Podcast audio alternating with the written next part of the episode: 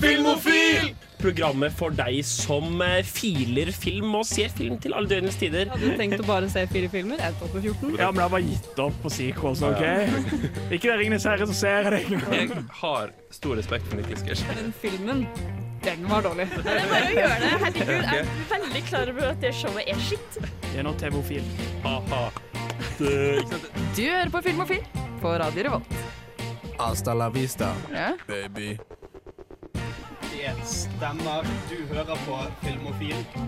Uh, vi skal prøve å gjøre dette litt koselig, så snart vi får lyd på mikrofonen. og tar opp mikrofonen. Der, ja. Der var det lyd på mikrofonen òg. Vi er Filmofil. Rettere sagt, ingen av de faktiske faste medlemmene i Filmofil kunne være her i dag, så vi skal prøve å holde skuta gående. Med meg i studio så har jeg Markus. Og Vilde. og jeg heter Hans. Jeg har jo vært med i dette programmet før, det er ikke disse to andre, men jaggu meg skal ikke vi prøve å skape litt radiomagi likevel. Uh, vi skal snakke om eh, mye rart. Vi skal prøve å holde fokus på franchise i dag. Disse filmuniversene og filmkonseptene som har blitt jævla store, jævla utvidede og generelt mye prat om. Det skal vi ta litt fatt på underveis i denne sendingen. Før vi kommer så langt, skal vi få høre litt musikk her. Vi skal få en herlig liten låt av Soft Ride som heter Out West her på Filmofil på Radio Revolt. Du hører på Filmofæl. Og det, er jo, det begynner å bli fryktelig lenge siden jeg har vært med i dette programmet. Eh, Vilde har altså. Har du noensinne vært på dette programmet før, Markus? Nei, jeg har, eh, jeg har nevnt Filmofil et par ganger uh, selv i relasjon, men jeg har aldri vært på Filmofil, så dette er veldig gøy for meg. da. Ja, for Vi pleier jo fort å snakke Hva har vi sett på i det siste? Hva har vi fylt disse kveldstimene med av uh, videounderholdning? Ja, så Siden sist jeg var på Filmofil, så begynte mye barne-TV. Og så kom jeg inn til Prank! Klassisk joke. Ja, nei, um, siden sist så har jeg vel sett uh, Jeg så alle Shrek-filmene forrige uke. Ja, det skal vi snakke litt om senere. Mm, så jeg skal ikke spoile for mye der, men det var veldig gøy. Så har jeg vel sett uh, Jeg lurer på om jeg ikke så en av Star Wars-filmene, kanskje. Og hvilken? Uh, jeg lurer på om det var eneren. Det var eneren, ja. Duel of Fates. Og hvilken Ja, ener ja, si? ok, Fra prequel-eneren, da. Det er nettopp. episode én, ja. Hvor Anniken er en liten kid, og man har den kule sangen fra London Symfoniorkesteret. Men jeg har da et spørsmål, og det er hvorfor i all verden så du den? Um, helt ærlig så syns jeg Jeg syns den i sånn Star Wars Hvis du tar Star Wars som en sånn tidslinje, så syns jeg den tiden som prequelsene som måtte en måte encompasser, er en utrolig kul tid. Og det er fordi jeg har satt meg inn i sånn law og, selv, og nerd og sånn, og jeg syns det er så fett, ass. For jeg syns det er så kult at liksom Jedi-orden, sånn et religiøst sekt, basically, er, så, er så flawed. Og så syns jeg det er kult å se liksom starten på den derre Anakin som the chosen one, egentlig. Som the one who will bring balance, og så gjør han Jeg syns bare det er kult. Jeg syns det er innmari stilig. Ja, for jeg, jeg har gått veldig sånn i bølger på de, de Star Wars prequelsene hvor eh, Altså når jeg, var, når jeg var drittunge og så de på kino, så var det jo kjempegøy fordi at bare masse farger og action og mm. uh, eh, lasersverd og alt mulig sånn. Og så eh, kom, kom jo på der at jeg begynte å skjønne litt grann om sånn eh, Å ja, det går an at film er dårlig selv om det er masse som skjer på skjermen. Eh, og da hatet jeg det, selvfølgelig, for det gjorde alle, og det var kult å hate de filmene. Og nå er det blitt litt kult å like det igjen. Ja. Eh, særlig på Reddit og sånn med sånn prequel-memes og alle de der greiene der, så er det blitt veldig kult, veldig hipt. Mange, mange har litt den der eh, sånn her Jo, det er teit, men fuck it, vi koser oss med det for det om. Ja, altså, for jeg tror for alt det teite som det definitivt har gående for seg Jeg skal ikke si noe på om filmene er bra i seg selv. Altså, jeg, jeg tror det som gjør at jeg liker de, er alle tingene jeg kan se i en større kontekst ut ifra law og sånn, pluss Ian McDermott og uh, Ewan McGregor som The Emperor og Obi-Wan. Det er fett. Men tror du på en måte at det uh, At vi trengte så mye tid før det var greit? At på en måte Fordi jeg føler at når de kom, så var det nærmest en sånn indignasjon. Hvordan våger de å lage sånne drittfilmer med vår elskede Star Wars? Og så først, er det først nå, sånn 10-12 år etterpå, at vi kan akseptere det? Men spørsmålet er jo liksom, er det egentlig vi som jo Alle som står her i rommet, er jo født på 90-tallet. Mm. Er det egentlig vi som har Star Wars, hvis du skal ta den uh, greia der? Fordi Star Wars var jo allerede ute da vi ble født. Jo jo, men de som, de som ble sure og indignerte, var jo på en måte de som kanskje hadde vært voksne eller unge tenåringer når de første Star Wars-filmene kom. Og det var jo de som var liksom smakssetterne, føler jeg da. Eh, For da var jo de sånn trettiser eh, når vi drev og så disse filmene, og da var de de kule voksne med kul filmsmak. Mm. Som da igjen farget hva vi syns om det i etterkant. Ja, for jeg føler det kan ha mye å si at, liksom, at det er de som fikk oppleve Star Wars når det var all that. Ikke sant? Den der, de som ble sjokkerte av I am your father på kino. Ja, ja. Det er de som ble sure for. Men jeg vet ikke om det var planlagt fra starten at The Prequel skulle komme ut. Eller ble det litt sånn oi, shit, skal det komme en, en ny en? Hva greia der? For det jeg har hørt, er jo at det alltid var planen at de prequelsene skulle bli laget, men de hadde ikke teknologien. Det er i hvert fall den uh, legenden, eller urbane legenden, som Ja, går på det er vel historien George Lucas vil at du skal tro på. Ja. Uh, så er det omdiskutert hvor sant det er. Eh, det er òg omdiskutert om det i det hele tatt skulle bli en serie ut av dette, eller om eh, det lå ganske tynt an, og kanskje egentlig var det bare New Hope som skulle bli den eneste filmen. Ja. Men hvordan, hvordan var det å sitte gjennom denne filmen nå i dag, da? Var du Nei, altså det er eh, for, eh, Bare for å gi litt kontekst på det, at det var en periode, jeg tror det var forrige sommer, så begynte jeg å sette meg masse inn i sånn Star Wars-law fra akkurat den epoken i tidslinjen. Og jeg, jeg syns det var fett, ass. Ja. Jeg satt og så ting og var sånn Ja, det er kult å se, liksom. hvordan startet og sånn, ja, og det er Jeg tror mye av det er sånn, ok, nå gransker vi etter, vi leter etter ting som gjør det her kult. Men sånn som når eh, moren sier sånn There was no father. Og så er jeg sånn That's because he was born of the fucking force! That's cool shit! Og det er sånn, så går du på hele den historien om Darth Plagueis og Darth Sidious på en eller annen måne. Did som they ever sånn- tell you the legend of Darth ja, Plagueis the og så begynner jeg å tenke på sånn Og så kommer jeg inn på Så jeg syns jo det er kult, men igjen, det er jo den derre Filmen i seg selv er jo litt sånn Den er jo ikke podracing, da. Men du sitter ikke og tenker at memesene har ødelagt det for deg? At du på en måte kjenner igjen for mange replikker fra memes og Reddit og den slags? Jo, jeg, jeg føler jeg kjenner igjen mange replikker, og jeg, den er jo veldig mimete. Men Mm. det er jo ikke nødvendigvis negativt av den grunn. Nei. Føler, føler i hvert fall jeg, da, for det er Ja, mye kan bli mimete, men det ødelegger jo ikke originalproduktet for min del, i hvert fall. da. Nei, men kult. Nei, men Kanskje vi skal rett og slett gi en liten sånn forsiktig anbefaling ut til, uh, ut til deg som sitter der ute. Hvis du er i riktig humør, så kan det være at det er en god idé å eh, sette på Star Wars ja, episode én. Så Ja. The Phantom, Phantom Menace, Menace, er den heter. Vilde Charlotte Jacobsen, hva har du sett i det siste? Vet du hva, jeg har uh, sett en uh, ny Netflix-film. Ja de er jo blitt veldig flinke til å lage sånne egenproduserte filmer, som Oh, er typ yes. sånn eh, dagfilmer du ser på TV2-følelse. eh, Hallmark-vibes på godt engelsk. Eh, så jeg har rett og slett sett Tall Tallgirl. Ja. Jeg er jo Ja. en ganske høy eh, jente selv. Jeg er 1,80 høy, sånn cirka. Mm. Eh, og tenkte det her det handler om en jente som er Hun er litt høyere enn det jeg er. Hun går på high school og syns det er veldig vanskelig å være høy. Og jeg var sånn, ja, vet du hva, det syns jeg var litt vanskelig også. Kanskje det er noe jeg kjenner meg igjen i. Å, fy faen, så mye dritt.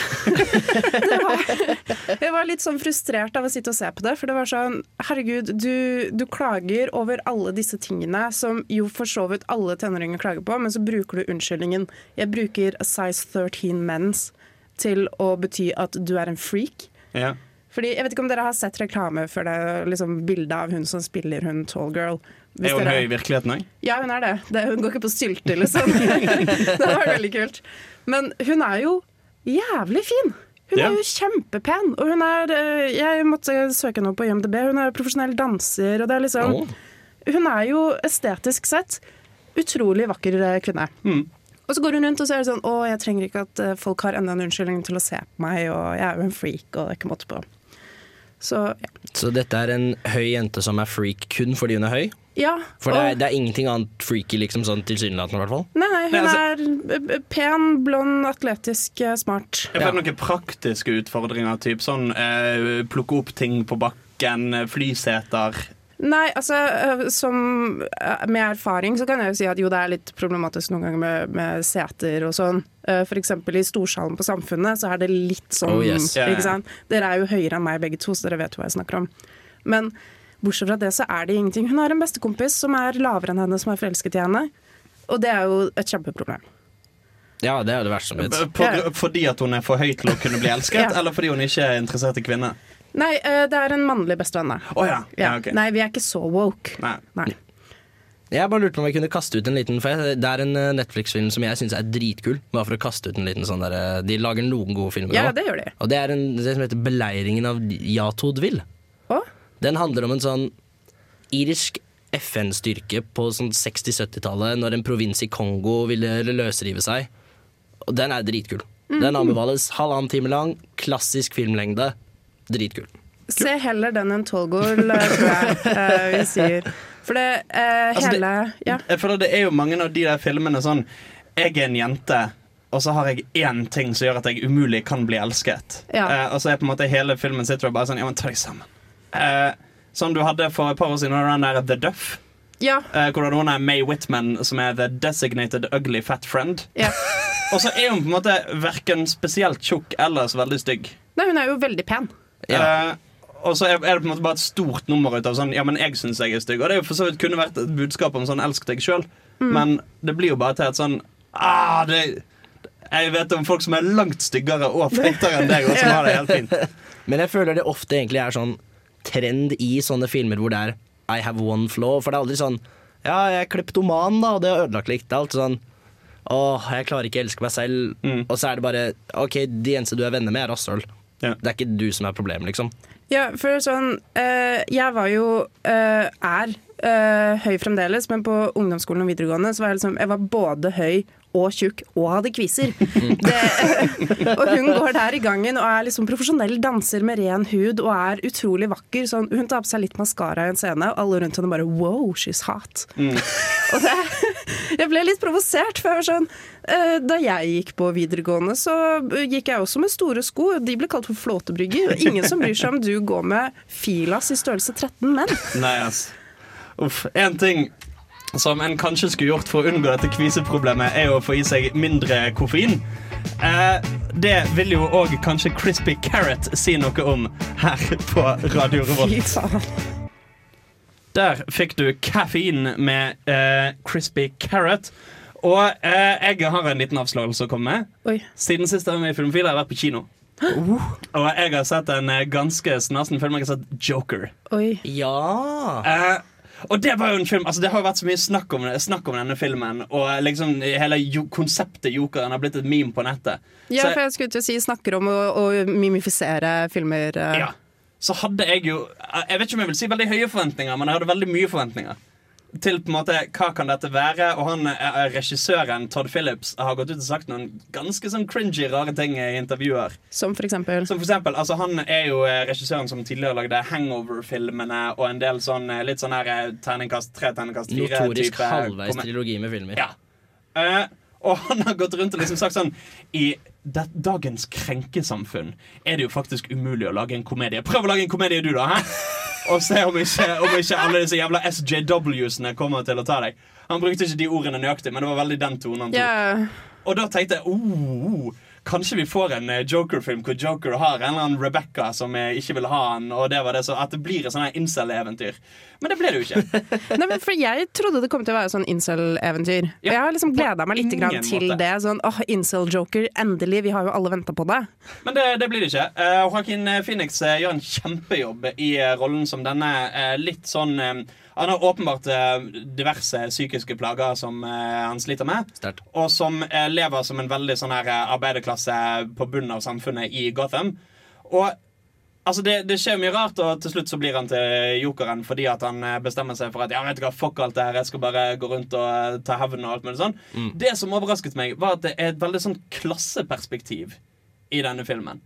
At det er veldig sånn eh, Jeg eh, som blir til jokeren, jeg blir eh, mann i gata sin representant mot de jævla eh, Han er talkshow-hosten og eh, the, de der Wayne-familien og alt Ja. det der. Alle de rike jævlene. Vet du hva, fuck de. Eh, det er et veldig forvirret og blandet eh, klassebudskap, men det er likevel et klassebudskap. Men jeg tror altså at hvis du setter jokeren inn i en, et marxist-perspektiv, da Do you wanna know how I got these scars? Capitalism. Jo, men det er nesten den tonen de tar i denne filmen. Og se for det. You wanna know what's wrong with society? The opium that keeps everyone down. Eh, det var forresten min audition for å være neste joker, så ring meg. Ja. Noen. Men det var, men det var For, for det, er litt, det er litt nesten det perspektivet de har. Hvor liksom På slutten av filmen Så er det jo basically bare en sånn konfrontasjon mellom han og en fyr, og så skjer det ting. Men hvor basically det bare er sånn Dette er det dere fortjener når dere behandler fattige, vanlige folk som meg på dette viset. Så Jeg vet ikke om jeg vil si det var no noe mesterverk, eller noe sånt, men Joaquin Phoenix gjør en kjempejobb i den filmen. Jeg ble fucking slått i bakken, men det blir jo alltid når han spiller i film. Kult at det er en litt, i hvert fall for min del, en litt ny vinkling på The Joker. da Ja. Det er litt spennende. Og det er jo mange som har spekulert i Kanskje er dette liksom retningen eh, DC burde ta med sine ting, nå når den der eh, Zack Snyder-opplegget åpenbart ikke har fungert. Eh, og de klarer liksom ikke å konkurrere med Marvel på sin hjemmebane. Hvem vet? Eh, vi skal ta oss en liten pause. Før det så skal du få høre Joggebukse med Your Love. Hei, mitt navn er Atle Antonsen. Du lytter til Filmofil på radio Revolt, og det gjør du helt til programmet er ferdig. Det stemmer. Du hører på Radio Revolt, akkurat som Atle Antonsen sa. Og vi skal bevege oss litt inn i temabiten av eh, denne sendingen. For vi ble jo enige, enige for et par dager siden eh, når vi fikk beskjed om vi skulle ha Eller fikk beskjed, når vi ga beskjed om at vi skulle ha sending. Eh, Så eh, fant vi ut at vi skulle ha, vi skulle ha sending om franchise. Oh yeah. Om disse, om disse filmene som har blitt til noe større, som har blitt til et univers, som har blitt til theme parks, som har blitt til alt mulig mer enn bare denne ene filmen. Og um, utgangspunktet for dette var jo at du, Markus, har sett alle Shrek-filmene. Ja, Ganske nylig? Ja, jeg så i hvert fall Shrek 1 til 4 i løpet av scenen. Jeg avsluttet vel på en måte På mandag så så jeg vel ferdig Shrek 4. Men innebærer det julespesial? Nei, og det er derfor jeg eh, retter litt på det. Fordi jeg har ikke sett julespesialen. Den er jo på en halvtime, så du kan argumentere på om det er en lang episode av noe, eller om det er en film. Men eh, jeg så i hvert fall Shrek 1, 2, 3 og 4. Ja, for det finnes ingen femmer, gjør det det? Nei, det er vel den julespesialen som på en Ja. måte er en femte, inst femte installment i Hva skal jeg si, Shrek sin levetid, på en måte. Men Ja, det er ikke en offisiell film. Den er på en halvtime, liksom. For det er den første som alle er glad i, og så er det Shrek 2. Ja. Uh, så er det Sh Shrek den tredje, og Mm. Shrek lykkelig alle sine dager. Ja. Og for å oppsummere hva Shrek handler om, så handler det vel om dette trollet, This Ogre Shrek, som bor i en sump. Et egentlig ganske fett hus til å være en sump. Og hans eventyr med hans sidekick, som er et snakkedesel. Ja, for det var jo det som var, det var, det var, det som var så jævla gøy med Shrek i utgangspunktet. At det var en veldig sånn her eh, holdning til litt sånn jeg vet ikke fuck alle tradisjonene, fuck alle klisjeene. Eh, vi er veldig sånn sjølbevisste og kule. Og på en sånn måte som jeg føler traff veldig når jeg så de filmene og var typ Ja, hvor gamle var vi da? En syv-åtte? Ja, Noe var ikke stort vi, Eneren lurer jeg på om ikke kom ut i 2003? Den kom ut i så mye som 2001. 2001, ja. ja da, da er du jo ikke så gammel. Og det som er, jeg tror det er litt kanskje den derre For jeg så, jeg så filmene nå igjen, åpenbart. Mye eldre enn første gangen. Og det jeg la merke til, jeg føler det er litt den derre teorien om hvorfor Simpsons passer alle. Masse fine farger, morsomme kommentarer og popkulturreferanser ut av sin egen rumpe. Ja, Det jeg, er jo så mye. Jeg føler de, de gjorde det da som kanskje har blitt litt sånn dated nå, med å på en måte bare spamme ned med referanser og sitater fra andre filmer, og på en måte hvor det er mye av jokesene. Hvor kanskje hvis en hadde gjort det i dag, så hadde det blitt litt sånn Ja, OK, men ha noen jokes, da, for faen. Ha. Ja, for det er jo litt oppbrukt med det. Men én ting jeg tror de har litt gående for seg, de bruker mye referanser fra sånn andre fairytales. Mm. Så du har for eksempel med en sånn ganske dominant sidekarakter er jo Pinocchio. For eksempel, og tre små griser og tre blinde mus. Ja, Katten med støvlene og Rødhette og ulven og Mm.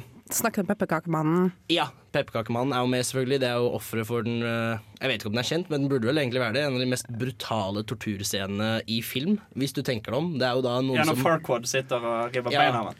holder bena hans foran han og løper med dem. Det er jo, du, du hører jo ikke om det engang. vet. Noen som har revet av bena til noen og liksom bare Altså, det, Det er- er jo det er som tatt ut fra en scene av eh, serien Hannibal.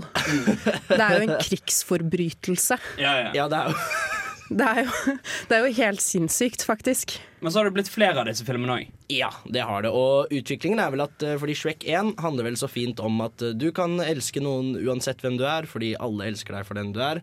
Med mindre du er lav, da blir du mobbet for det. Ja. Akkurat som i Tall Girl. Akkurat, akkurat som i Tallgirl. Og i toeren så handler det om at fordi Fiona, kona hans, er en prinsesse, de går og møter foreldrene. Utfordringer byr seg fordi plutselig er datteren et troll, og det er typen òg.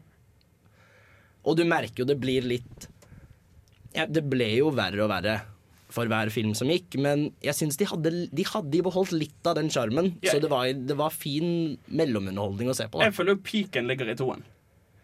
På mange måter For- for- så føler jeg det gjør det, ja. For da er det på en måte Da tar de den der sånn OK, Shrek 1 ble kjempesuksess. I Shrek 2 da skal vi bare ta det enda lengre og bare pumpe fullt i masse, masse ekspandere på dette universet og bare gjøre det så koko og crazy som vi har lyst til. Og bare spamme inn masse, masse snåle referanser. Tom Waits er og spiller piano som kaptein Krok i en scene. Eh, og bare masse sånne non-secretors som bare fyller den filmen, som gjør at det er en sånn kaotisk uh, kul film. For Jeg tenker veldig ofte på noe jeg leste på nettet, og det, jeg må ha lest det for mange år siden, men det dukker opp kanskje i hodet mitt i hvert fall en gang i uka fremdeles. Og det er Shrek 1 er liksom Det er en bra film. Det er en genuint god film. Shrek 2 er den morsomste fuckings filmen jeg har sett i hele mitt liv. Genuint den beste filmen i hele verden. Shrek 3 er søppel. Ja, for jeg føler at det er det som på en måte Det er i hvert fall der hvis du ser Shrek 1 og 2 sammen, så føler jeg bare fordi Shrek 1 setter en utrolig god hva skal jeg si, scene, ramme for Shrek. Det definerer veldig godt hvem Shrek er, og, og hovedkarakterene. Og toeren tar det som er bra med Shrek, fortsetter med det, men det ekspanderer, som du sier. Du får se en helt ny side av det Shrek-universet, og det passer veldig bra til film. Jeg synes også det de gjør veldig fint, er at de For en av de beste linjene i hele Shrek, syns jeg, er Å, du er jo en jentedrage. Den syns jeg bare er helt fantastisk, fordi du får jo ikke se hvordan han vet det. Men jeg husker jeg var og så den på kino, og min far satt og bare fniste som en sånn liten tenåring ved siden av. Og så i film nummer to så kommer det jo disse der hybrid-esel-drage-hybridene. Og sånn Ja, det var det. Ja. Det var akkurat det du trodde det var. Du har jo disse filmene Shrek og den uh, berg-og-dal-banen det har vært. uh, på en måte Oh yes. Men det har jo på en måte blitt til veldig mye mer. Ja, det har jo det, fordi jeg føler at Shrek er jo Det er jo så utrolig mimete. Shrek har blitt på en måte en internetthelt. Altså, det har jo blitt et fenomen, Mm. kan man Ja, nesten ja, si. veldig sånn eh, nå i, det, eller nå i det siste. Altså De siste par årene. Altså Lenge etter de sluttet å lage filmer, føler jeg. Ja, ja. Mm, absolutt. Og det, jeg tror det er noe av det som Det var litt det jeg var inne på når, eller i hvert fall du pratet litt om det, Hans, når du nevnte memes og prequel-trilogien til Star Wars. At Shrek lever jo fortsatt på mange måter på grunn av memes og småvideoer og sånne ting. Men jeg tror jo mye av grunnen til det kan jo også være fordi uh, Shrek kom jo ut i eh, Var det 2001 du sa? Da var jeg seks-syv år gammel. Ja. Um, og så føler jeg memesene begynte å komme når de som er på vår alder, begynte å være på internettet selv, på en måte. Ja. Og så føler jeg veldig mye kom med Allstar. Ja. Når, den når den begynte å bli en låt folk spilte igjen. Ja, når Eh, den på ble stor, ja. At Allstar ble et meme som så trakk Shrek opp til å bli et meme med de. Ja, for det kan jo hende Shrek på mange måter er sånn den perfekte storm. At liksom den generasjonen som vokste opp med Shrek, er de som endte opp med å pr- masseprodusere memes. Mm. Allstar skulle være en stang som slo han igjen. Og også det at Shrek er enkel å like, tror jeg også hjelper. For det er, det er noe for de fleste, hvis du prøver, liksom. Ja. Og så er det jo et eller annet med bare denne, denne figuren Shrek. At på en måte det, det er gøy å leke med ideen om at denne, denne, dette svære grønne trollet som bare går rundt og er frekk med alle sammen, at det på en måte skal være denne redningsfiguren, denne Messiasen, som skal få oss, eh, få oss ut fra alle våre vanskeligheter. Og så er han jo veldig relaterbar i det at alt han vil er å være hjemme alene. Det er alt han ønsker seg er å sitte hjemme i huset sitt alene og gjøre greia si, og er ikke det egentlig millennials dream? Jo, og vi har jo alle hatt en sånn kamerat som oppfører seg sånn som det eselet. Som Ja, ja. bare klenger seg på og nekter å kjenne besøkstiden sin og ta, ta et hint. Ja, altså det er, det er jo det som er med Shrek. Fordi sånn, egentlig, Han også på mange måter er jo relaterbar, for jeg føler alle har hatt en sånn OK, nå, i dag orker jeg ikke. Nei. Situasjonen, og det er jo veldig, på veldig mange måter Oi, beklager. Det på veldig mange måter er jo Shrek, da. Mm. I hvert fall i de første filmene så blir det litt tynnere i film tre og fire, tror jeg man kan si veldig hyggelig. Men det er jo der fortsatt, til en viss grad, da. Ja. For er- Fireren det er der hvor hun Fiona mister hukommelsen, og så er det masse andre troll. Eh, hun mister ikke hukommelsen. Det som er at det er en karakter som heter uh, Rumpelstiltskin, som gir folk sånne dødelige avtaler som er sånn derre Ja, Hans, eh, du kan få alle pengene du vil, men da tar jeg din følelse av pengebruk som Ja, det- spennende. Dette er jo en kjent sånn Brødrene Grim-figur. Ja, det er jo basically det. Kan jeg bare si, jeg liker den litt sånn sleipe uh, stansen du tok nå. Liksom står og åler deg litt sånn borti hjørnet i Ja, men han, han er en liten slippery motherfucker, ass. Og, Ja. Så det som skjer, er at Shrek sier han har lyst på én dag hvor han kan føle seg som et vanlig troll igjen. da Gå rundt og Han har lyst til å være en terrorist, basically. Okay. En gang til, fordi nå har han jo familie og ansvar og skifte bleier. Og det han gir Rumpelstiltskin, er én dag i hans liv, som han ikke husker. Og Rumpelstiltskin tok jo dagen han ble født. Så det som skjer, er at når han ikke ble født, så ble Fiona aldri reddet, så hun har nå blitt en Basically en sånn rebell hun, hun har blitt en terrorist, hun òg, for The Ogre Army, som kjemper mot det onde kingdomet til Rumpelstiltskin. Og Shrek må komme inn og kysse hun fordi True Love's Kiss kan gjøre at han får dagen sin tilbake og ikke ender opp på å dø, da, basically. Ja vel. Så det er jo fireren, da. Og det, det mitt problem med det var at det føltes litt tynt ut. Motivasjonen til Shrek som en karakter syns jeg var litt sånn Det er en helt OK oppbygd eh, hva skal jeg si, plott. Sånn, OK, du er sliten med livet ditt, har lyst til å følge deg ung igjen. Men det føltes ikke helt fortjent ut at Shrek sin karakter skal være der. Mm. Men det er også en kul film. Det er mye kule visuals, og det er gøy å se andre ogres. Det syns jeg var litt moro. Så, Ja, for det, det er jo Jeg har ikke sett fireren, jeg har ikke sett treeren, jeg har bare sett eneren og toeren. Fordi som nevnt så har jeg hørt at treeren er shit. eh, ja. uh, og så vil man jo ikke se fireren uten å se treeren, fordi the law Eh, må jo få med seg alt. det er deep Shrek-lord. Ja, Men det jeg alltid har stussa på, er jo hvor er alle de andre trollene hen? Nei, i fireren, da. Ja, det er åpenbart. åpenbart så er de jo i fireren. Kanskje jeg burde se den. Altså, det er eh, som sagt Det er eh, grei nok underholdning. Treer nå er jo litt moro fordi han eh, Ja, De får babyer, gjør de ikke det? Jo, de, de får Little Ogre Kid, som er relativt søte, og, men det som er han derre sønnen til Fairy Godmother, han Prince Charming, invaderer jo Far Far Away med alle de slemme tegnes, nei, sånne folkehistoriekarakterene. Yeah. Og det er ganske moro, for da er det plutselig sånn Hodeløse rytteren, Uh. begge stygge stesøstrene, um, hun derre dama i Snehvit som f gir det eplet til Snehvit. Heksa, liksom. Ja, er heksa. Alle de slemme karakterene. De tar over da, og det er litt moro å se. Men er du sikker på at de to stesøstrene er stygge, eller er de bare veldig høye? Um, nei, hun ene er definitivt stygg. Oh, ja, Nei, men uh, det er hun, uh, hun Doris er vel Hun er en av mine favoritt-sidekarakterer. For hun er bare sånn What? How you doing? Yamo girl, so what? det er alt hun gjør. Ja, men hun er bare sånn one-liner heaven. Det var softcore Altså, det må være United det UND, UNT det står for. Under testimony. Undertale. Kanskje. Softcore Undertale med Går i blinde, som du fikk her på Radio Revolt. Og vi skal snakke litt om andre ting enn bare Shrek, som har blitt det veldig store greier. Ikke sant, Vilde? Jo, fordi vi skal jo snakke om franchise. Og jeg syns jo da selvfølgelig vil man snakke om Harry Potter. Mm. Fordi når vi først snakker om ting som har blitt mye større enn det det egentlig har blitt, og det har vart veldig lenge, og det liksom bygges opp med masse temaer rundt og verdener og museumer og nye filmer og i det hele tatt. Harry Potter er jo det største av det, og det er også kanskje en franchise som jeg føler det er veldig naturlig å ta opp punktet Faen, skal dere slutte snart? Kan jeg spørre deg om noe, Ville? Du som er jeg tror, litt mer fan av Harry Potter enn meg. Ja. Ron Weasley, transkjønnet person, ja eller nei? Og humlesnurr, sort homoseksuell. Uh, sure. det, ja, for det er vel basically Fordi der Harry Potter ikke nødvendigvis er sånn skikkelig sånn meme-kulturell, så har jo hun JK Rowling Ja. Hun har jo klikka litt etter hvert. Hun har klikka, og hun har jo på en måte eh, er jo hovedgrunnen til at jeg tenker 'å gud, vær så snill, slutt'. Fordi eh, personlig så mener jeg Pottermore det skulle vært siste.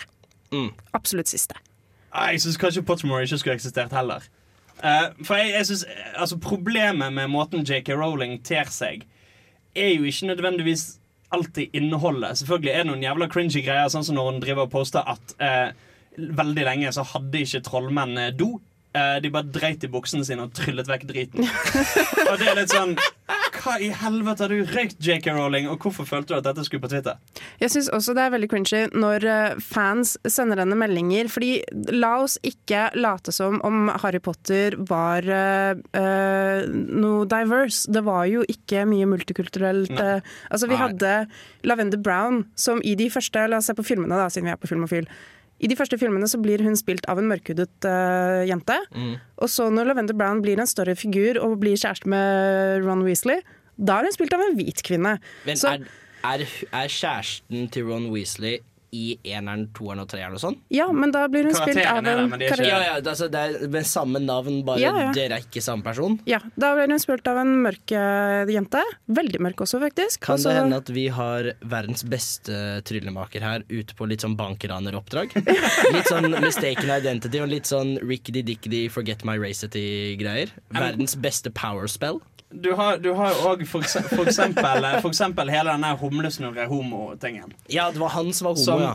som er jo òg en greie hvor det er sånn Ja, fint det, JK Rowling, men kunne du ikke gitt en, et fnugg av en indikasjon på dette i bøkene? Ja, fordi Det eneste som kommer i bøkene eller i filmene, er jo det at han og Grindelwald hadde Det var et, eh, et vennskap der som var veldig sterkt. Og så kan man argumentere med at Harry Potter fant sted på 90-tallet, og Humlesnurr var jo ung lenge før 90-tallet, så kanskje det ikke var helt akseptabelt. Men lall. Altså Uansett så føler jeg bare sånn å, å legge til sånne ting i etterkant Det virker ut som at du virkelig prøver å shoehorne diversity inn i din egen serie. Fordi det beste med Humlesnurr er at det har ikke noe å si hvilken seksuelle legning han har. Han er en genialt flawed character, akkurat som han er. Jo, men det er jo, det er jo et forsøk på å møte kritikk, føler jeg, uh, i det at Greit nok, innen, innen særlig litterære verker så kan du argumentere for at eh, folk kan være akkurat hva slags rase eller legning eller sånn som de vil, fordi at typ, hvis det ikke står beskrevet eksplisitt med den kritthvite huden, eh, så vet jo ikke du at de er hvite. Men eh, det kan jo være et problem fordi at du opererer med basically bare default-innstillinger. At du antar at alle karakterer er hvite heterofile inntil det motsatte er bevist. Og det, det gjør vi som et samfunn eh, i stor grad. Problemet er at å gjøre det på den måten JK Rowling gjør det på, hjelper ikke. Det virker bare som en sånn jævla token effort å eh, skrape til seg noen creds for ingen innsats. Det er jeg, akkurat den er jeg veldig enig i, men jeg føler også at til en viss grad noen ting kan vi la være opp til fantasien. For det er den der sånn, ja, at man kan kunne se for seg selv i den situasjonen. Og så fort man sier sånn Ja, Harry Potter var en hvit gutt. Trenger man å vite det? Hvis du ser det for deg, NP. Det er din verden å skape. Men hvis du sier ja, Vilde Jacobs er en hvit jente. Hmm, hun kunne jo vært hva som helst til, da, på en måte. Jeg vet ikke, jeg bare føler at akkurat på den måten JK Rowling gjør det, syns jeg er veldig unødvendig. Jo, men det er jo altså, i, altså Den eneste skulle jeg si, eksplisitt svarte karakteren i Harry Potter-bøkene er jo han der Kingsley Shacklebolt. Ja. Og han blir jo nesten litt sånn halvparodisk eh, innimellom. Hvor det ja, Ro deg litt ned med den postkolonialismen din, eh, Rowling. Ja, for det, han er jo en ganske viktig karakter i de senere filmene, og i bøkene selvfølgelig også. F.eks. når de skal forflytte uh, Harry fra uh, hjemmet til uh, tanten og onkelen sin og til uh, Galtvort, eller til eh, det huset til Sirius Black, er det vel. Så kommer jo han inn, og så har han på seg sånn lilla, veldig afrikanskinspirert kappe. Og det er sånn, det er ikke noe tvil. Ja ja, denne mannen her har afrikanske røtter. Og så er det vel òg når, når han skal være med å fange humlesnurr, og humlesnurr bare forsvinner. Så jeg har en sånn replikk sånn Say what you want about Dumbledore, but the man's got style. Ja. Ja, Og da altså- er det litt sånn Hallo! Dere har én svart fyr. Én svart fyr. Kan han bare ikke være sånn kjempestereotyp og kjip? Mm, ja, absolutt det. Og jeg tenker Det er en av tingene som de burde bare la roe ned akkurat den der med Harry Potter. En annen ting er jo alle filmene og alt som kommer etterpå også. Mm. Eh, jeg syns jo f.eks. at det teaterstykket som ble satt opp i London eh, Veldig dritt. Jeg har lest eh, boka, eller manuskriptet, og det er sånn Det her er fanfiction som har blitt canon. Mm. Ja, for det, det her er vel bare for å si det for alle som hører på. Da. Harry Potter handler jo basically om en gutt Harry Potter, hans to beste venner Ron og Hermine, i en magisk verden og en kamp mellom det gode og det onde. Og dette stykket er vel The, the, the Unborn Child, eller et eller annet sånt? Det er uh, eh, Å gud, The Cursed Child. The Cursed Child Child, var det. som er sønnen da til Harry Potter igjen. Ja. Mm. Vi skal snakke litt mer om hva Harry Potter har blitt til, og hva som har sprunget ut av dette i form av oppfølgere og ting hvor de kanskje Kanskje kunne holdt seg for gode til å bare ta et steg tilbake og la det være i fred. Vi får se, dette skal vi komme til fram til. I mellomtiden skal vi høre The Good, The Bad and The Zugly med Staying With The Trouble. Vi eh, hadde akkurat så vidt begynt å snakke litt om dette The Cursed Child. Teaterstykket skrevet av Ikke skrevet av J.K. Rowling. Nei, det er ikke skrevet av J.K. Rowling, som er hvorfor jeg også står veldig fast på at det her er fanfiction. Mm. Uh, og jeg er ikke noen motstander av fanfiction, altså for all del, let your freak juice fly, liksom. Men det er jo noe annet når du publiserer det under Harry Potter-navnet, og det blir en sånn veldig offisiell følelse rundt det, da. Altså jeg, jeg satt jo litt med samme følelsen med Cursed Child. Og det er jo sikkert bare fordi det er de samme karakterene som er med. Men jeg satt veldig med den samme følelsen der som jeg fikk av det siste kapitlet. Eh, eller helt til slutten av den siste Harry Potter-filmen. da Ja. Når eh, de er voksne og er på den togstasjonen og alt det der. Ja. Og det er jo også poenget, fordi den følger jo opp ganske tett etter det. Altså, de er jo eh, I den siste filmen, den siste scenen, så er jo Harry Potter og vennene hans blitt eh, voksne. Mm. Har fått barn og skal sende disse barna av gårde til Galtvort. Og mesteparten av beefen min der er navnene til ungene. Ja, jeg Eh, vet! sånn her, eh, ja, dette er Albus Severus eh, slur eh, alle navnene til alle folkene. Ja. Dette er Remus eh, Nymfadora. Eh, alle ungene har bare fått alle navnene til alle de andre karakterene. Ja. Og det syns jeg er emblematisk for liksom måten J.K. Rowling bygger universet videre på. Er på en måte bare sånn Alle gifter seg med hverandre. Ja. Så typ, hvis du trodde at dette var et stort univers, så tok du veldig veldig feil. Fordi de, de trollmennene du har møtt i disse bøkene, det er alle trollmennene. Det er alle i Det hele er verden, faktisk. ingen i dette universet som du ikke har lest om. Men kan det være rett og slett at eh, England gikk eh, tom for skuespillere? Altså, I og med at boken kom før filmen, er, så vil ja. jeg tippe nei.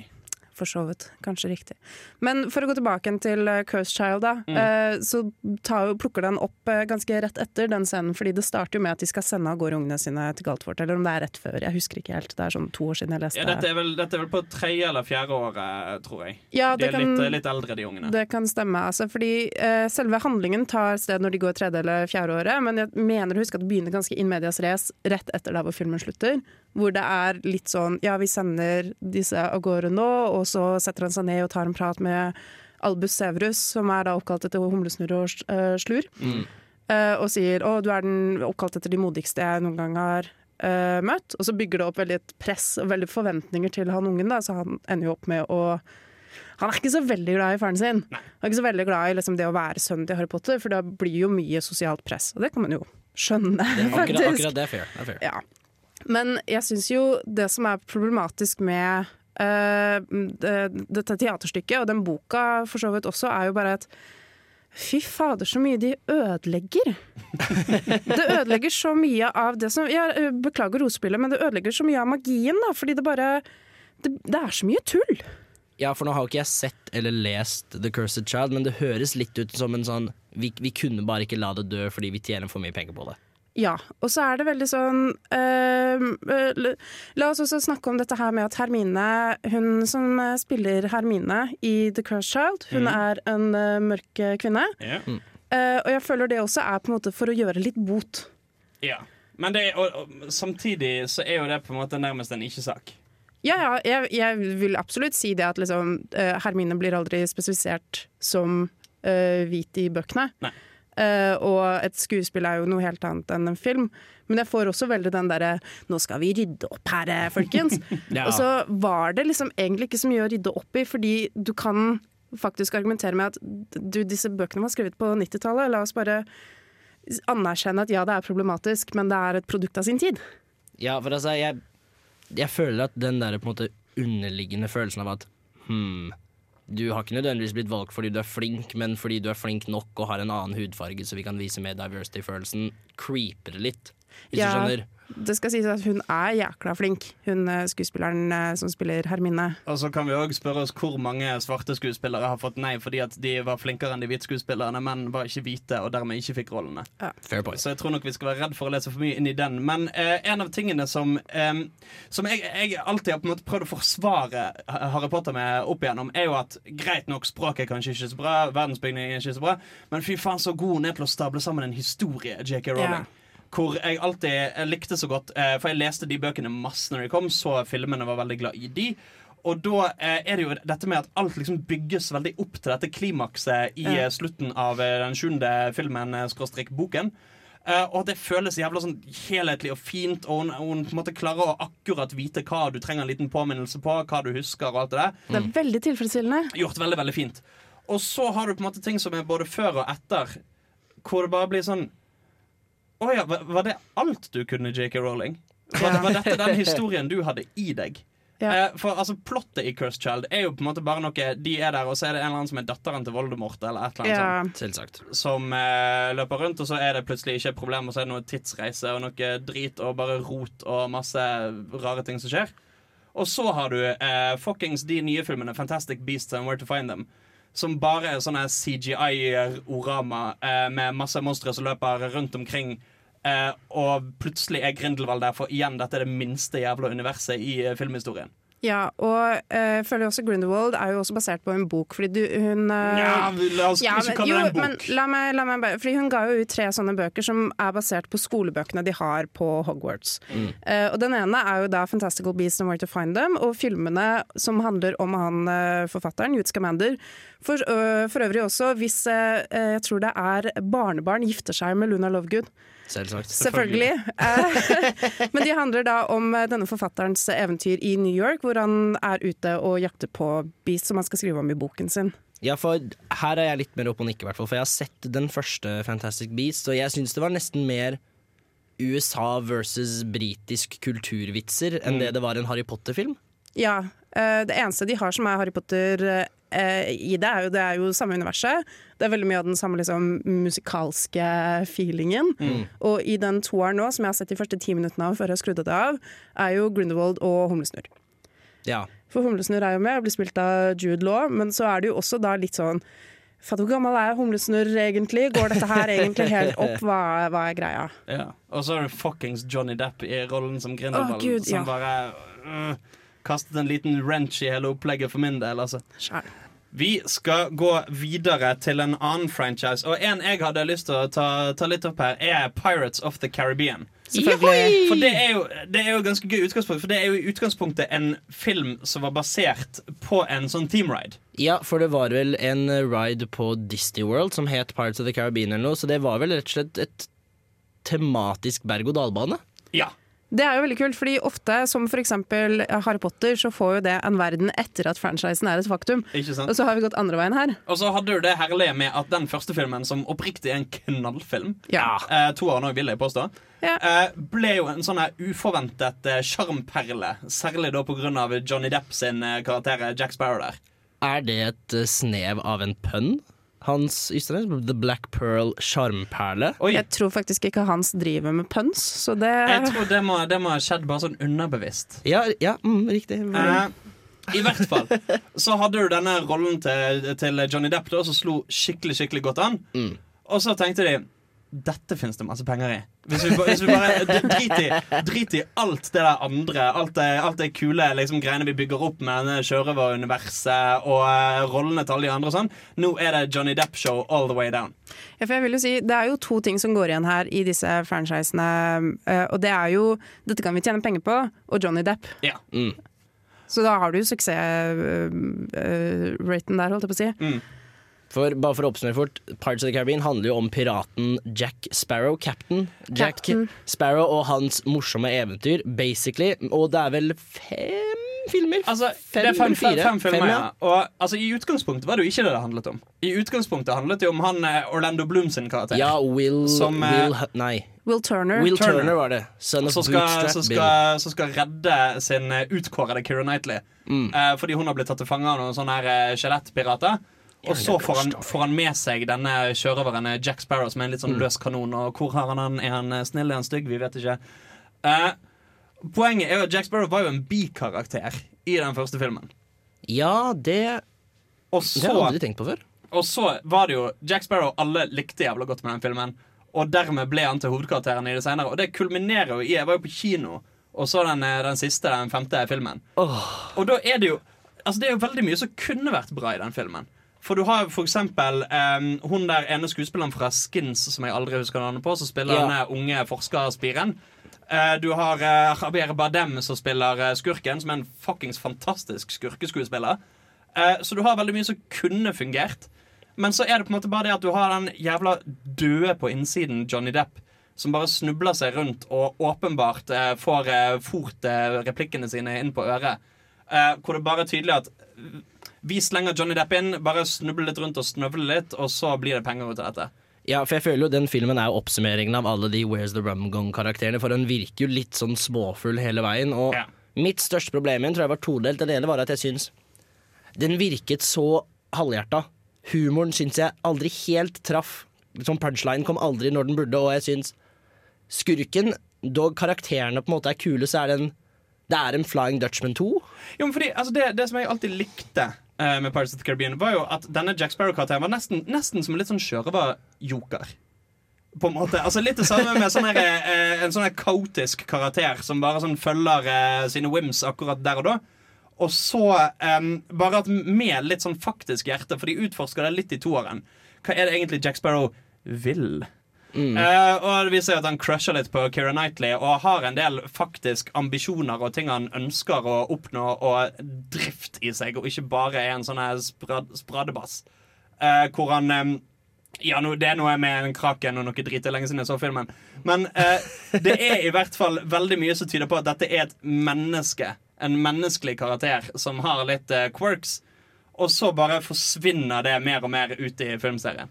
Ja, for altså for min del så er det definitivt eneren og toeren som er best. Treeren syns jeg holder seg ganske bra. Jeg syns det er en kul utforskning av liksom et plott der inne, men fireren husker jeg basically nada av, og femmeren husker jeg litt mer av fordi jeg var mye mer skuffet enn jeg var etter jeg så fireren. Jeg skal innrømme at uh, jeg har sett eneren og husker den som en veldig bra film. Uh, og så tror jeg jeg så toeren, for da er de i noe sånn derre Pirates Bay og noe greier og uh, yeah. et eller annet sånt. Og så har jeg egentlig hoppet litt av, fordi jeg syns Pirates of the Caribbean ble veldig kjedelig. Det ble litt sånn Ja, det er jo en gjentagelse. Altså, de er pirater, og, og Jack Sparrow er full. Ja, men den eh, kan jeg faktisk eh, legge meg litt bak, for jeg føler det er det jeg føler det er der i hvert fall fireren og femmeren går litt dårlig. At det er begrenset hvor mange ganger Jack Sparrow kan ha en tullete vits som basically handler om det samme. Ja. Ja. Og når de slutter å være kreative med plottet, så holder ikke han alene. Nei. Så dessverre, til tross for en veldig kul begynnelse, så gikk det litt til helvete for Pirates of the Caribbean. eh, noen det ikke har gått til helvete for, er Gold Celeste. De skal nemlig onwards and upwards her på Filmofil på Radio Revolt. Vi skal snakke om eh, noe annet som kanskje har klikket litt. Eh, vi skal snakke om Minions. Ja, for nå føler jeg vi har snakket om eh, eh, franchises som eh, vi er litt sånn lei av. Det er for så vidt litt lei av Minions også, men eh, som har tapt seg, da. Og jeg mener jo at Minions i de rette målgruppene, selvfølgelig, eh, fordi du må jo kjenne ditt publikum, og jeg, jeg personlig er ikke en del av det publikummet, men jeg vet jo om veldig mange andre som er det. De har jo blitt større enn den franchisen de egentlig var en del av. Ja. For de var jo disse medhjelperne i Despicable Me. Og hele Lauren til Minions, jeg vet ikke hvor kjent dere er med det her, Ikke veldig kjent. er at eh, de går i dvale, jeg tror det er i Antarktis, helt til det er liksom det, det ondeste mennesket i verden, og så flokker de dit for å hjelpe denne personen. Så per definisjon har Minions eh, hjulpet Hitler, og la oss bare ta et sekund til å la det synke inn. Men Det forklarer jo mye, da. ja, det gjør, gjør jo veldig det. Men eh, Minions eh, har jo på en måte blitt mye større enn Despicable Me i seg selv. Enig. Toeren i Despicable Me handler jo om egentlig en sånn der Minions Farm. Det er en annen som blir ondere, og som da liksom lokker til seg alle minionsene. Er det det som er den lilla minion? ja, han skal, eh, denne personen gjør da disse minionene til helt gale, crazy eh, greier. Og så må Gru, som er hovedpersonen i Despicable Me, han med den lange nesa, Mm. som jo egentlig har blitt familiefar og ganske søt og snill, han må jo få tilbake minionsene, fordi gud, hva er det dere driver med?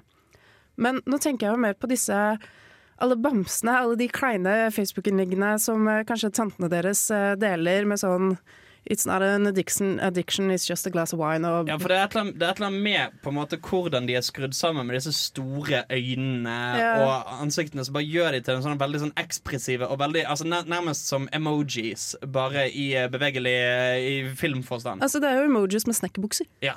Og så er det jo litt sånn, det passer jo så bra, føler jeg, for de er, også, de er jo eksepsjonelt sjarmerende.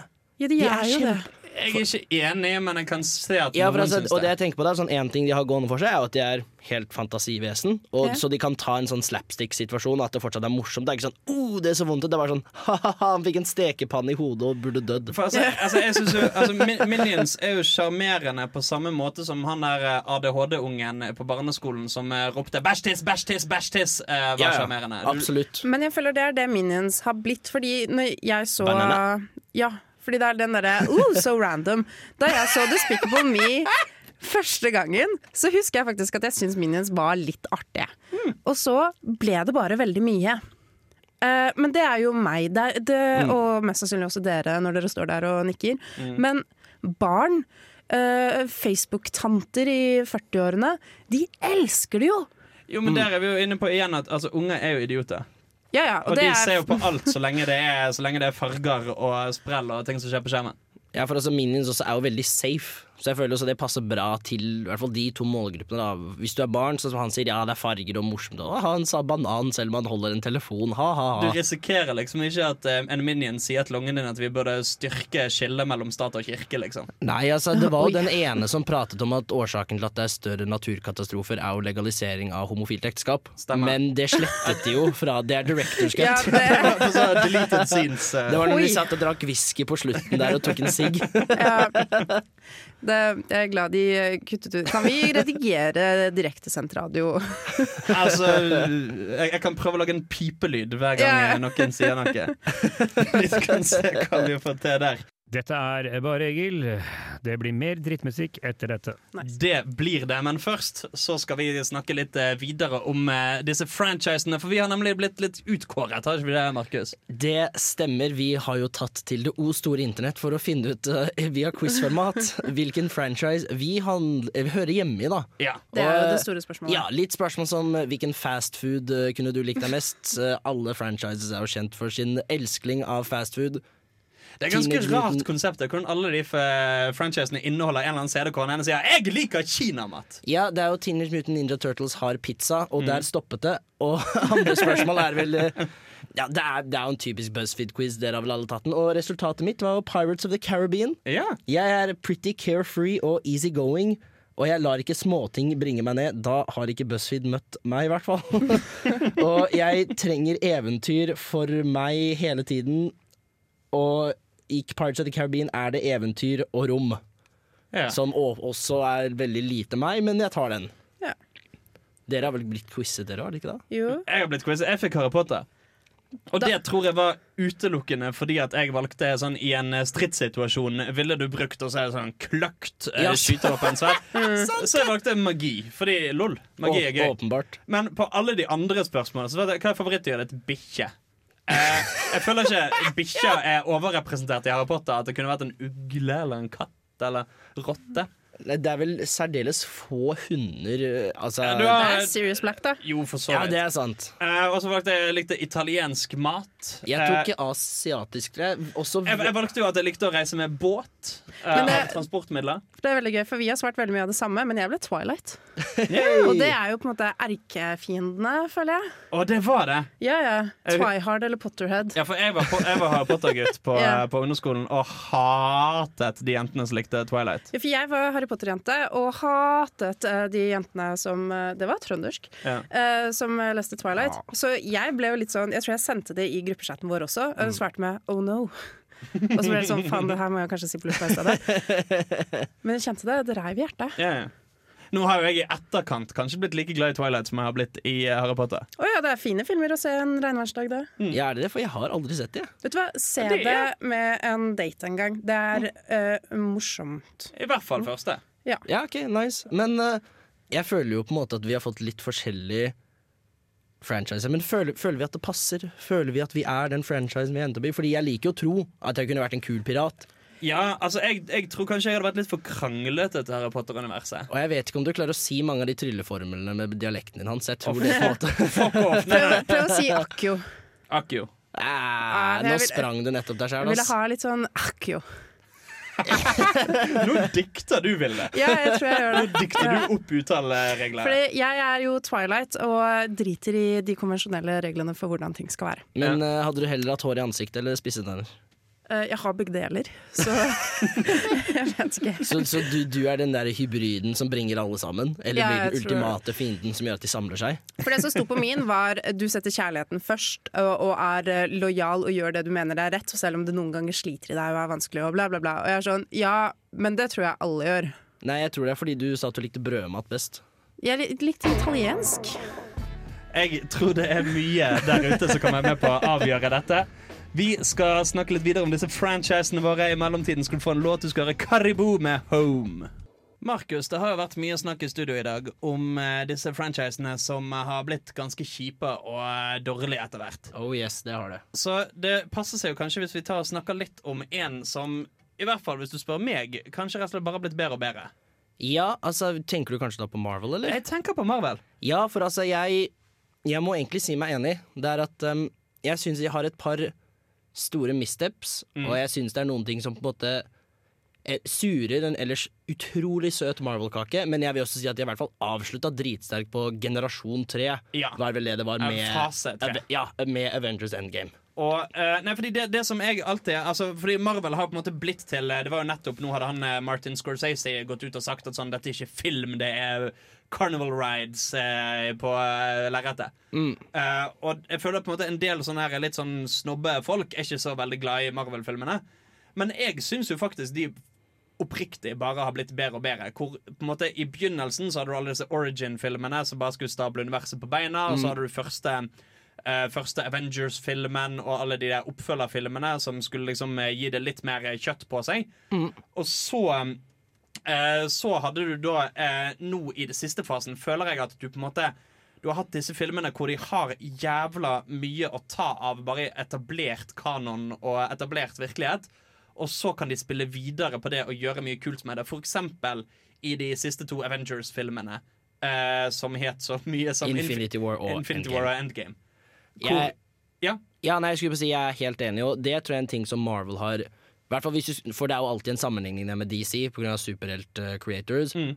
Og Marvel har jo definitivt tatt seg god tid til å sette scenen, sånn som du sier, Ja. for å kunne ha dette skikkelig grandeur final climax Mm. mot Thanos, hvor hver jævla superhelt som finnes, er på samme plass. Ja, ja. Og det er jo dritkult. Min, mitt måte, største problem med det Eller det er kanskje ikke så mye som problem, men det er det at jeg føler at det er ikke så mye som har så mye å si. Og det føler jeg oppsummeres med Civil War. ja. For jeg føler at OK, du satt med den følelsen at de kommer jo bare til å bli venner igjen. Ja. Det ble det jo. Og så syns jeg sånn det er, det er fair at du dreper Tony Stark, han var den mest eh, slitne skuespilleren, den mest slitne superhelten. Men jeg skulle ønske noe annet hadde noe å si, for jeg føler Infinity War for meg, når jeg så den før NGN kom ut og sånn, så var jeg litt sånn Å, denne filmen betydde veldig lite. Den var dritkul, Ja. men impacten av det følte jeg var litt liten når ingen daua. For jeg er ikke helt enig, fordi at jeg syns um, Altså, jeg er helt enig i at uh, Civil War for meg er kanskje en av de svakeste filmene i hele, i hele sammensuriet. Uh, men jeg syns uh, Altså, de, de har, de har lagd en del filmer nå som jeg føler har en annen tyngde. Altså på, på en måte enten litt på måten de behandler materialet på, men litt òg på en måte hva de kan ta seg friheten til å gjøre nå når de har så mye etablert tidligere. For eksempel, eh, jeg syns eh, Infinity War var jævlig kul fordi at etter du har sett disse heltene banke skurk etter skurk etter skurk, så har du en skurk de ikke klarer å ta. En skurk som bare er en sånn formidabel motstander som slår de i hver jævla konfrontasjon. Og jeg, jeg synes det, det får en helt annen tyngde, nettopp fordi at du har hatt alle disse filmene hvor disse heltene har vunnet slag på slag på slag, og det at de faktisk har en eh, skurk som tydelig er altfor sterk for dem. Ja, plutselig en som på en måte er litt ydmykere for dem. Men igjen, da syns jeg også det er litt teit. Jeg vet ikke om jeg syns det er teit, men det er den der Captain Marvel-greia. Mm. At sånn, ok, her kommer det noe som åpenbart bare Og det kan hende det er bare fordi jeg føler hun kom inn litt for sånn eh, Hva er det heter um, Eksmaken av De setter hun inn mellom Infinity War og Endgame for å etablere karakteren som gjør at de vinner. Ja. Jeg vet ikke, men det er sånn, jeg er enig i at det er litt kult at det er noen som OK, den her kan de faktisk ikke vinne. Det er ikke en ydmykelse, det er ikke en ydmykelse på grunn av dem selv. det er noe altså- eksternt, og det er litt kult, det enig. Altså det, nå så ikke jeg Captain Marvel-filmen, men uh, altså to av mine favorittfilmer uh, typ de siste årene, men også spesielt innen uh, Marvel-universet, er jo Guardians of the Galaxy 2 Mm. og Black Panther. Enig. Og jeg syns de er så jævlig kule, Fordi der har de faktisk superheltfilmer som handler om noe. Altså hvor Guardians of the Galaxy 2 handler om farskapsrollen. Det å, det å sette andre foran seg sjøl, det å ta ansvar for andre. Det å være ærlig og åpen om følelsene. Hvordan vi har behandla traumer, både individuelt og kollektivt. Tar opp en del sånne ting. Og så har du Black Panther, som jeg føler har den sterkeste typ i superheltfilmer noensinne. Den sterkeste tydelige ideologiske kampen mellom hovedperson og skurk. Hvor du har han eh, T'Challa og du har han Killmonger, som slår sammen. Og det er jo basically bare sånn to folk i svarte drak drakter som slår og sparker hverandre. Eh, men det de krangler om, hele den ideologiske eh, fighten de har Hva de kjemper for, liksom. ja, at det, stakesene ligger i hvem vinner diskusjonen, ikke nødvendigvis i hvem vinner fighten. Eller hva er konsekvensen av at de vinner denne fighten. For det er som regel i disse filmene er det ikke så spennende typ, hvem som dør og lever, for du skjønner jo at helten kommer til å overleve. Mm. Eh, men det som gjør Black Panther jævla spennende for meg, er men hvilket tankesett er det som kommer til, å, kommer til å vinne her? Hva er motivasjonene bak, liksom? Ikke sant? Og den, den kjøper jeg faktisk, for jeg synes også når jeg så Black Panther For jeg var litt sånn først, og husker jeg var litt sånn hmm, Ok, er det her en sånn cop-out for å samle en annen uh, markedsgruppe, som vi har vært innom tidligere? Men så så Mm. jeg filmen, og jeg tenkte Dæven, så kult! Ja. Den var skikkelig stilig. Jeg likte at det var en litt annen kunststil enn vi er vant til. Det er et helt annen location fra New York, hvor alle andre superheltfilmer er, føler jeg. Mm. Den var innmari stilig. Jeg likte castet veldig godt. Og det er jo sikkert mye av det, det òg. Det at sånn, det de faktisk kjemper for, har veldig mye tyngde bak seg da, for begge, begge involverte. da Nei, jeg syns det er en knallfilm. Eh, vi er nødt til å gå litt videre. Vi skal snakke litt om eh, filmer som aldri ble til noen franchise, men som kanskje skulle blitt det. Før vi kommer så langt, skal du få høre en liten låt. Det er en gjeng som heter Mormor, som har lagd en låt som heter Won't Let You her på Radio Revolt. Der hadde vi Mormor med Won't Let You, og i motsetning til Mormor så Will I Let You, fordi jeg lot Kristine komme inn i studio. Vi har fått besøk. Hallo! Hallo, Kristine. Vi snakker om eh, sånne franchiser i denne Filmofil-sendingen. Disse store filmuniversene og alt mulig som har kommet ut av eh, spede begynnelser i filmverdenen. Og nå tenkte jeg at vi skulle snakke litt om hvilke filmer som ikke ble til en franchise, men som kanskje burde blitt det. Har jeg lov til å bare krasje hele stemningen ved å si at jeg er ikke noe glad i franchise? Er det er helt lov? Vi har snakket litt drit om Altså, franchise. vi det har vært snakk om veldig mye drit uh, her. Uh, vi kan jo f.eks. nevne at eh, eh, Shrek 4 er jo ikke verdt å se. Nei, og det er liksom sånn Hva ville jeg helst sett som en franchise? Vet du hva? Alt jeg har sett, er jeg egentlig fornøyd med at var en enkeltstående film, for at det, det avsluttet, og det var bra. Mm, Men for å plukke tråden igjen, siden det her er filmofil da. Jeg eh, hørte på en av Jaran sine anbefalinger og så Priest på Netflix. Ja, Den kunne jeg fint sett en eller to til av. For den syns jeg var det er basically en eh, vampyrer mot mennesker i en dystopisk fremtid, hvor eh, kirken ah, Selvfølgelig, først var det barna, nå er det vampyrene. De skal ta de, og de skal ta de godt. Og så er det disse priestene, da, som er liksom vampire killers. Den syns jeg var kul. Og det er jo spennende. Det er sånne ting du kan spinne videre på i evigheten. Ja, og det jeg syns, jeg syns den kunne jeg fint sett litt mer av, bare for den var spennende, rett og slett. Ja. Så eh, liksom en serie, typ en ny sesong? Nei, eller? nei, for det er en, det er en film, da. Det er en film, ja. Og jeg, ja, jeg, jeg bare føler sånn Hvis det hadde vært en Priest 2, så hadde det vært kult. Det hadde vært innmari stilig. Du hadde sett den.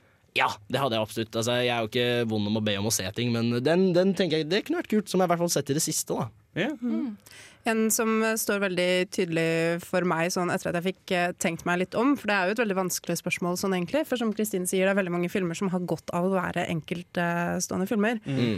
Men det er én film jeg har sett som jeg fremdeles, og jeg har sett den flere ganger òg, og hver gang så sitter jeg og er bare sånn Faen, gi meg litt mer. Er det, det Shrek the Christmas Adventure? Det er Shrek the Christmas Nei, det er rett og slett Interstellar. Å ja, Alle her har sett. Alright, Men, men da ville jeg helst hatt den eh, før de avslutter filmen.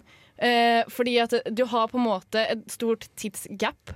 Ja. Eh, til på en måte slutten, der han snakker med hun eh, når hun er gammel. Ja, fordi og, han er på denne planeten som er så nærmt det svarte hullet. Ja. At hver time han er der, er syv år tilbake på jorden. Eller eller ja, og så havner han inn i der ved alle firkantene og eh, For han havner jo inni dette Ja. Inni det svarte hullet. Og eh, der på en måte et eller annet sted før eller etter det, synes jeg det kunne, da kunne du bare lagt på ganske mye mer. Mm. Og jeg lurer jo veldig på hva som skjer med Anne Hathaway sin uh, karakter. For hun er jo ute og leiter etter eh, planeter likevel. Ja, for hun, hun går i forveien. Hun går i forveien fordi det! Hun er fortsatt der ute! hun er fortsatt der ute. Hele filmen avsluttes med at han, eh, Matthew McConaughey får besøk Eller han er på besøk hos sin døende datter, som er blitt en gammel dame. Ja. Og hun Ja. sier 'You have to go out there, she's still out there'. Og så er det liksom Det avslutter med at hun legger øh, og lager en uh, sånn Hun grave... begraver han fyren som ja, var der først. Uh, Dr. Man, tror jeg vel han heter, som hun var forelsket i. Og hun er på denne planeten som er beboelig, og skal bygge opp en koloni alene. Og jeg er sånn Hva skjer med deg? En annen ting også er en prequel. Altså, Jeg vil bare ha mer av dette universet. Men tror vi ikke kanskje at Interstellar har litt godt av den derre Ikke cliffhanger-slutten, for det er det jo absolutt ikke. Men at det er litt løse tråder som du kan fylle litt selv. Fordi hvis de skal lage en like stor film som Interstellar Ja. var, om det er en prequel eller en sequel Det kan bli mye, ass. Det kan Men- bli veldig mye. Fans har ikke lyst til å fylle ut historien selv, de har lyst til å se det på TV. Det er veldig sant. Jeg har det beste svaret på franchise eh, opp mot akkurat det. Fordi mye av problemet er jo at mange av de filmene en har lyst til å se mer av, er jævla gode filmer. Ja. Eh, og gode filmer bærer jo ofte preg av at her er ikke det plass til så mye mer, for vi fikk plass til alt sammen i filmen. Ja. Eh, noe jeg tror vi hadde hatt veldig godt av å ha masse masse mer av, er Småspioner. Fordi, Nei. fordi, Nei. fordi her vil kritiske røster kanskje si Ja, men vi har allerede fått ganske mye Småspioner. Det Ja, ja. finnes fire filmer. Ja. Jeg vil påstå det ikke er nok, og grunnen til det er at for det første, disse filmene er Altså, de har en veldig sånn egen plass i mitt hjerte.